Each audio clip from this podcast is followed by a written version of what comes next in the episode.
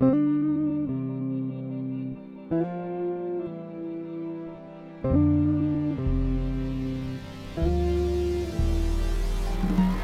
dat je luistert naar weer een nieuwe aflevering van How to Tussenpensioen. In deze praktischere afleveringen leert Sjaak mij welke stappen je kunt of moet zetten om zelf met een tussenpensioen aan de slag te gaan. Soms geeft hij me huiswerk, soms niet, soms hebben we iemand te gast en soms zitten we met z'n twee. In deze aflevering gaan we terug naar mijn eigen plan. We kijken naar wat het allemaal zou moeten gaan kosten en er worden harde keuzes gemaakt.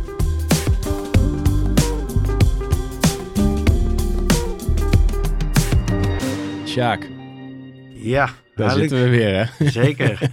de, vaste, de vaste prik. Ehm, er is best wel wat gebeurd in de tussentijd.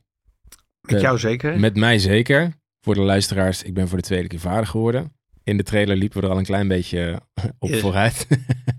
Ehm, en daarnaast eh, is, de, is de podcast natuurlijk gewoon door blijven rollen. En eh, ben ik eh, buiten luiers gaan verschonen. Natuurlijk ook eh, tussenpensioenplannen gaan voorleggen bij, eh, bij het thuisfront. Mhm.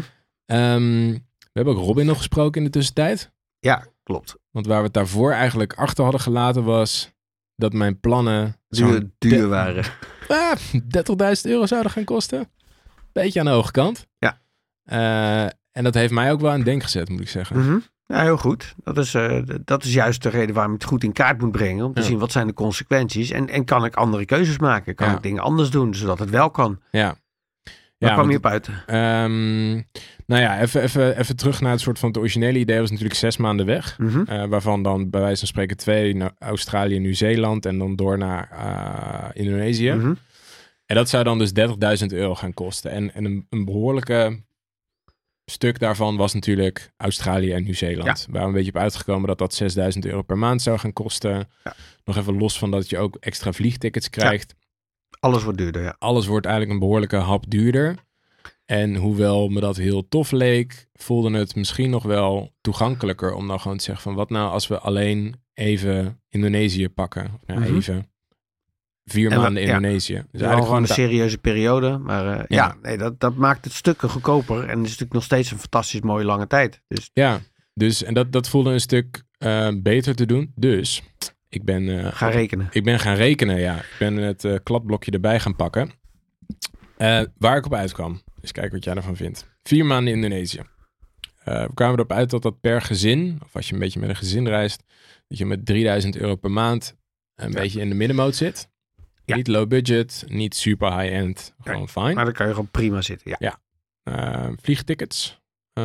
Ik ben nu uitgegaan van 1500 euro per persoon. Is wat aan de hoge Ja, kant. Zit aan de hoge kant. Zou denk ik iets goedkoper moeten kunnen. Zeker als het alleen maar een toertje Bali is. Dus ik denk Ja. dat je dat als goed plant. Dat je dat tussen duizend. Ja, of ja. Ja. Zou uitgaan van duizend. Moet ja, kunnen. precies. Als je lang genoeg van tevoren. goedkoper. ja. Ja. Ehm, nou goed, laten we de, de optie open houden om misschien een beetje te reizen. Dus Mhm. eh, Ja. 1500 euro, better safe than sorry wat dat Ja, betreft. zeker.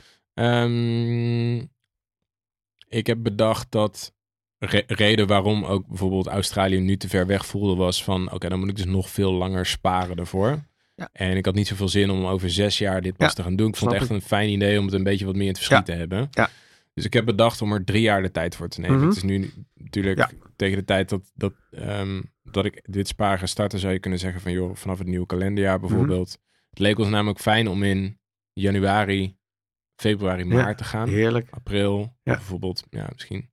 Ja, ik denk dat we kerst nog wel hier willen doen, maar zit je echt een beetje overwinterd. Ja. Voor een deel in ieder Ja. geval. Eh, dus dat betekent dat ik drie jaar daar dan voor zou kunnen pakken. Mhm. Even een snel rekensommetje. Inclusief vliegtickets en 3000 euro per maand kom je dan op 18.000 euro uit. Mhm. Nog steeds best wel een behoorlijke klap, waarvan 6000 euro nu voor de tickets zijn. Ja. Ehm, Maar wij natuurlijk een deel van de kosten die je nu ook hier hebt. ja, die vallen natuurlijk weg. Ja. Ja, want dat is een beetje waar ik inderdaad... eh, dat was voor mij een beetje een eye-opener. dat realiseren mensen. Dus ik kijk alleen maar wat het kost, maar niet wat je eigenlijk bespaart doordat je hier niet bent. Nee, ja, precies. Want waar ik dus nu op uitkwam is als het 18, stel het kost 18.000 euro, laten we daar dan eventjes van uitgaan. Als je dat over 36 maanden spreidt om te sparen, dan ben je dus 500 euro per maand aan het sparen. Dat is best wel best fors. Dat Ja. is best wel fors. Als je dat uitkristalliseert naar wat de tickets kosten en wat het leven daar kost, dan kom je op 165 euro per maand voor de tickets. En ehm, vij- 335 euro voor het leven. Mhm. Die tickets zijn dus nu ook wel redelijk aan de dure kant, omdat ik twee kids mee moet nemen. Ja. Dus als je dat niet hebt, dan valt natuurlijk al behoorlijk Zeker, wat ja. geld weg. Ehm, maar nog, 165 euro voor vliegtickets en 335 euro voor het leven. Ehm, toen ben ik op jouw eh, eh, aanraden is gaan nadenken van, joh, wat, wat, wat geef ik ongeveer in Nederland uit Mhm. per maand? Mhm. Ehm, en dan kan ik dat er eens eventjes afhalen, want dat ga ik logischerwijs hier niet Juist, uitgeven. ja. Nou ja, boodschappen en leuke dingen gecombineerd eh, was al gauw 1000 euro Ja. in de maand. Boodschappen zijn daar goedkoper. Eh, ja, ook dat nog.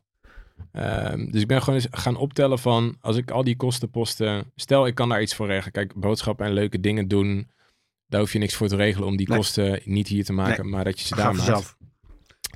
Maar eh, we hebben natuurlijk ook gehad over het onderhuren van je huis. Ja. En dat is natuurlijk ook best wel een behoorlijke, zeker als je ziet dat je 3000 euro nodig hebt. Ja. Nou ja wij hebben echt een gelukje met ons huis. Wij betalen 1100 euro ex. Ja. Ehm, maar goed, eh, doe daar de Maar als je het dan ook nog eens een keer gemeubileerd verhuurt, zou je het wellicht... Mijn eerste reis, ik betaal Oh ja? ook een stuk meer. Ja, kijk, je, Oh ja, ja, wat jij betaalt is kale huur. Ja, Maar jij verhuurt je huis straks aan iemand die wellicht tijdelijk iets zoekt voor een maand of vier. En Dat moet je dus wel op tijd gaan, eh, gaan doen en wellicht Ja. bureaus inschakelen. Maar ja, dan kom je al gauw op 1500. Want dit, ja, met alles erop en eraan. Of 1600. ja precies. Dat is, dat is niet een absurd bedrag nee, voor een volledig gemeubileerd eh, niet. huis. Ja. Heb je daar bureaus voor? Zei dat nou net? Ik heb dat destijds ook via een bureau gedaan, zodat het even wat beter geregeld is. En je ook zeker weet dat, eh, dat ze er ook weer uitgaan. Dus Ja, dat dan precies. experts eh verhuurd wordt. Of, Oh ja, expert is wel een goede natuurlijk. Nou, tegenwoordig is tijdelijke huur mogelijk, gelukkig. Dat was Ja. toen in mijn tijd, eh, twintig jaar geleden, niet zo. Dus toen moet je dat echt wat beter. Met diplomatenclausules heette dat. Dus dat je echt kon vastleggen dat, je, nou ja, de- de- de- dat het tijdelijk was. Ja. Ehm, en zeker als je natuurlijk aan een expert verhuurt, die wil het ook tijdelijk huren. En als je het gemeubileerd verhuurt voor best een flinke op, met een opslag erop. Ja. Dan willen mensen het ook alleen maar tijdelijk huren. Eh, want Hm. ja, voor de lange termijn zijn ze goedkoper uit als ze het kaal huren. En dan Ja, zelf een, eh, een bed en een bank en et cetera kopen.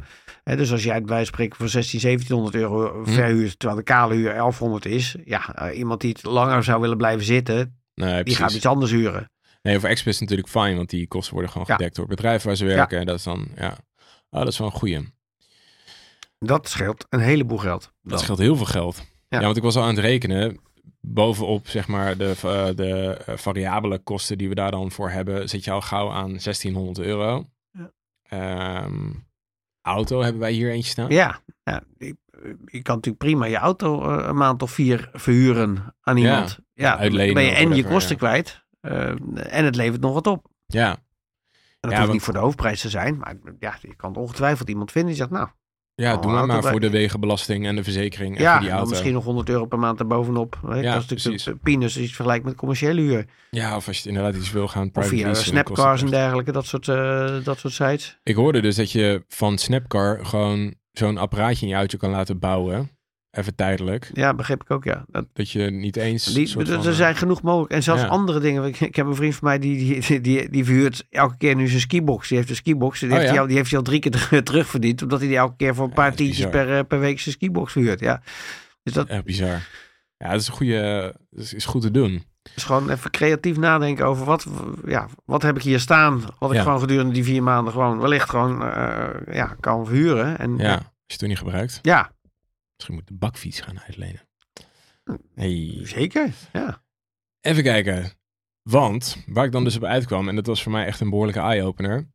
Stel je weet het dus drie jaar van tevoren en je kan dit dus eh, goed gaan fixen. Voor, ja. Voornamelijk dat huis, dat is denk ik Ja, het allerbelangrijkste. Als de je daarvoor open staat om dat te doen en je kan wat spullen wegdoen of opslaan Van of elke, van elke trip die je doet, het, uiteindelijk het verblijven ergens, dat is wat de grootste kostenpost. Dat moet je slim doen. Want ik kwam dus uit op boodschappen en leuke dingen, grofweg 1000 euro. Mijn huur, laten we er even vanuit gaan dat het kostendekkend is, inclusief vaste kosten, Ja. 1600 euro. Die auto dan nog bovenop. Ehm, dan blijft er, even goed zeggen, 200 euro over per maand. Dat lijkt Wat ik erbij moet leggen.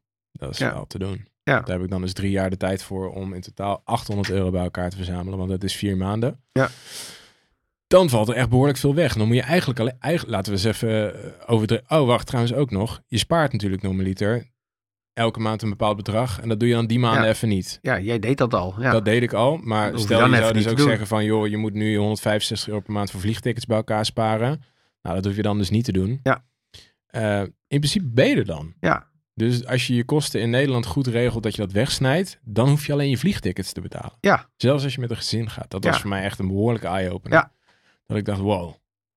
Eh, dus dat is wel heel positief. Zeker. Dus En een stuk haalbaarder. heel haalbaar. Want als ik dan even ervan uitga dat die tickets aan de hoge kant zijn, maar vooruit, dan moet ik de komende drie jaar 165 euro per maand aan de kant zetten. Om over drie jaar, vier maanden in Indonesië te kunnen wonen. Nou, Dat is how, behoorlijk. how does that sound? Ja, eh, pretty nice. Ja. Dus dat, eh, dat is wel echt een goeie.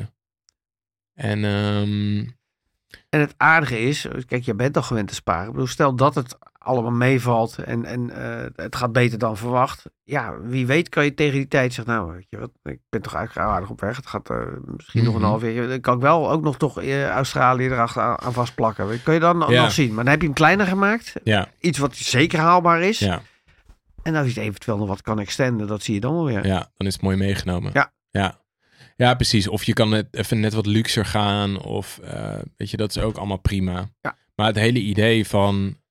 Ik vond het gewoon al een behoorlijke eye-opener. Dat, want stel hè, eh, laten we, ik heb hem nu ruim genomen. Stel nou dat het inderdaad allemaal meevalt. En je, als je die tickets nu al koopt. Ik weet niet, kan dat? Nee, voor over drie jaar niet. Nee hè? Nee. Het schijnt dat de beste, eh, ook weer niet te lang van tevoren, ergens tussen drie en zes maanden van tevoren, Oh ja? heb ik wel eens gehoord, schijnt de beste periode te zijn qua, qua prijs. Maar gewoon continu in de gaten houden of wat er, eh, wat, wat er voorbij komt eh, Ja. vanaf een half jaar van tevoren. Ja, want als dat is een keer 1000 euro per persoon wordt in plaats van Ja. 1500 Ja, euro. dat ook weer. dan, dan blijft er echt relatief weinig over. Dus dat vond ik wel echt een, een bizarre. Want inderdaad, veel reacties van mensen die ik tijdens het maken van deze podcast sprak, was toch nog steeds wel gewoon het hele idee van het is niet te betalen. Ja. En weet je, to be fair, kijk, als je, als je die kosten eh, voor je huis en auto, als je dat inderdaad even vergeet of niet doet, Ja, dan is het een heel ander plaatje. dan is het 500 euro per maand die je aan Ja. de kant moet schrijven. Dat Ja. is echt, ja, dat, dat is heel veel. Nee, dan dat kunnen de meeste mensen niet. En zeker nu in de huidige periode met de, de, de, de, de gasprijzen. ja, en, en, en inflaties. Oh, Nou, ik krijg- en inflaties die waar we mee te maken hebben. Iemand Eh, wil zijn mening even delen over. ja, helaas, kan niet, kan niet blijven. we, doen nog geen inbellers. Ehm, ja, dat is ook een van de redenen. Ja, geld Ja. sparen. eh, ja, momenteel wordt je spaargeld wel een stukje eh, Zo. minder waard Ja. op deze manier. En Ja. laten we hopen dat het niet uit de hand loopt en dat het ook weer een keertje Ja. normaler wordt. Nee, maar dat, dat ja, nee, dan, dan zijn bepaalde bedragen echt, echt niet te doen. Je kan dan natuurlijk nog wel wat rigoureuzer te werk gaan en zeggen: we- gaan vier jaar of drie jaar niet op vakantie, omdat we iets anders gaan doen. Net als dat Jo Janneke dat gedaan heeft. Ja, dat is echt keuzes maken. Ja. Dat, maar dat, is- dat is wel echt soort van, inderdaad, dan moet je Hardcore. kijken of het je waard is om Ja. één keer lang op vakantie te gaan ten opzichte van iets anders. Ik, ik weet niet of ik dat zou. Ik persoonlijk ook niet. Nee. Ik denk dat, dat, dat, die, dat moment per jaar dat je er echt even uitgaat, of die twee, drie keer dat je even wat korter een tripje doet. Maar goed, een jaar lang NSL-schip kopen, ja, is ook wel even Nee, dat was natuurlijk heel rigoureus. Ja. Maar meer om aan te geven van als 500 euro in de maand sparen niet kan, bij wijze van spreken, dan is dat misschien nog een manier om, eh, om het te doen. Ja.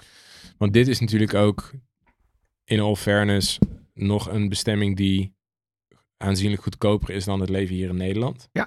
Ja, dat, en dat maakt enorm veel uit. Dat Ja, maakt heel veel Als jij uit. hetzelfde zou willen in Amerika of in Australië, is dat echt een ander verhaal. Nee, dat kan gewoon niet. Dan moet je gewoon wel echt. ehm, Niet Ja, voor niks dat die plekken zo populair zijn. Nee, ja, logisch inderdaad.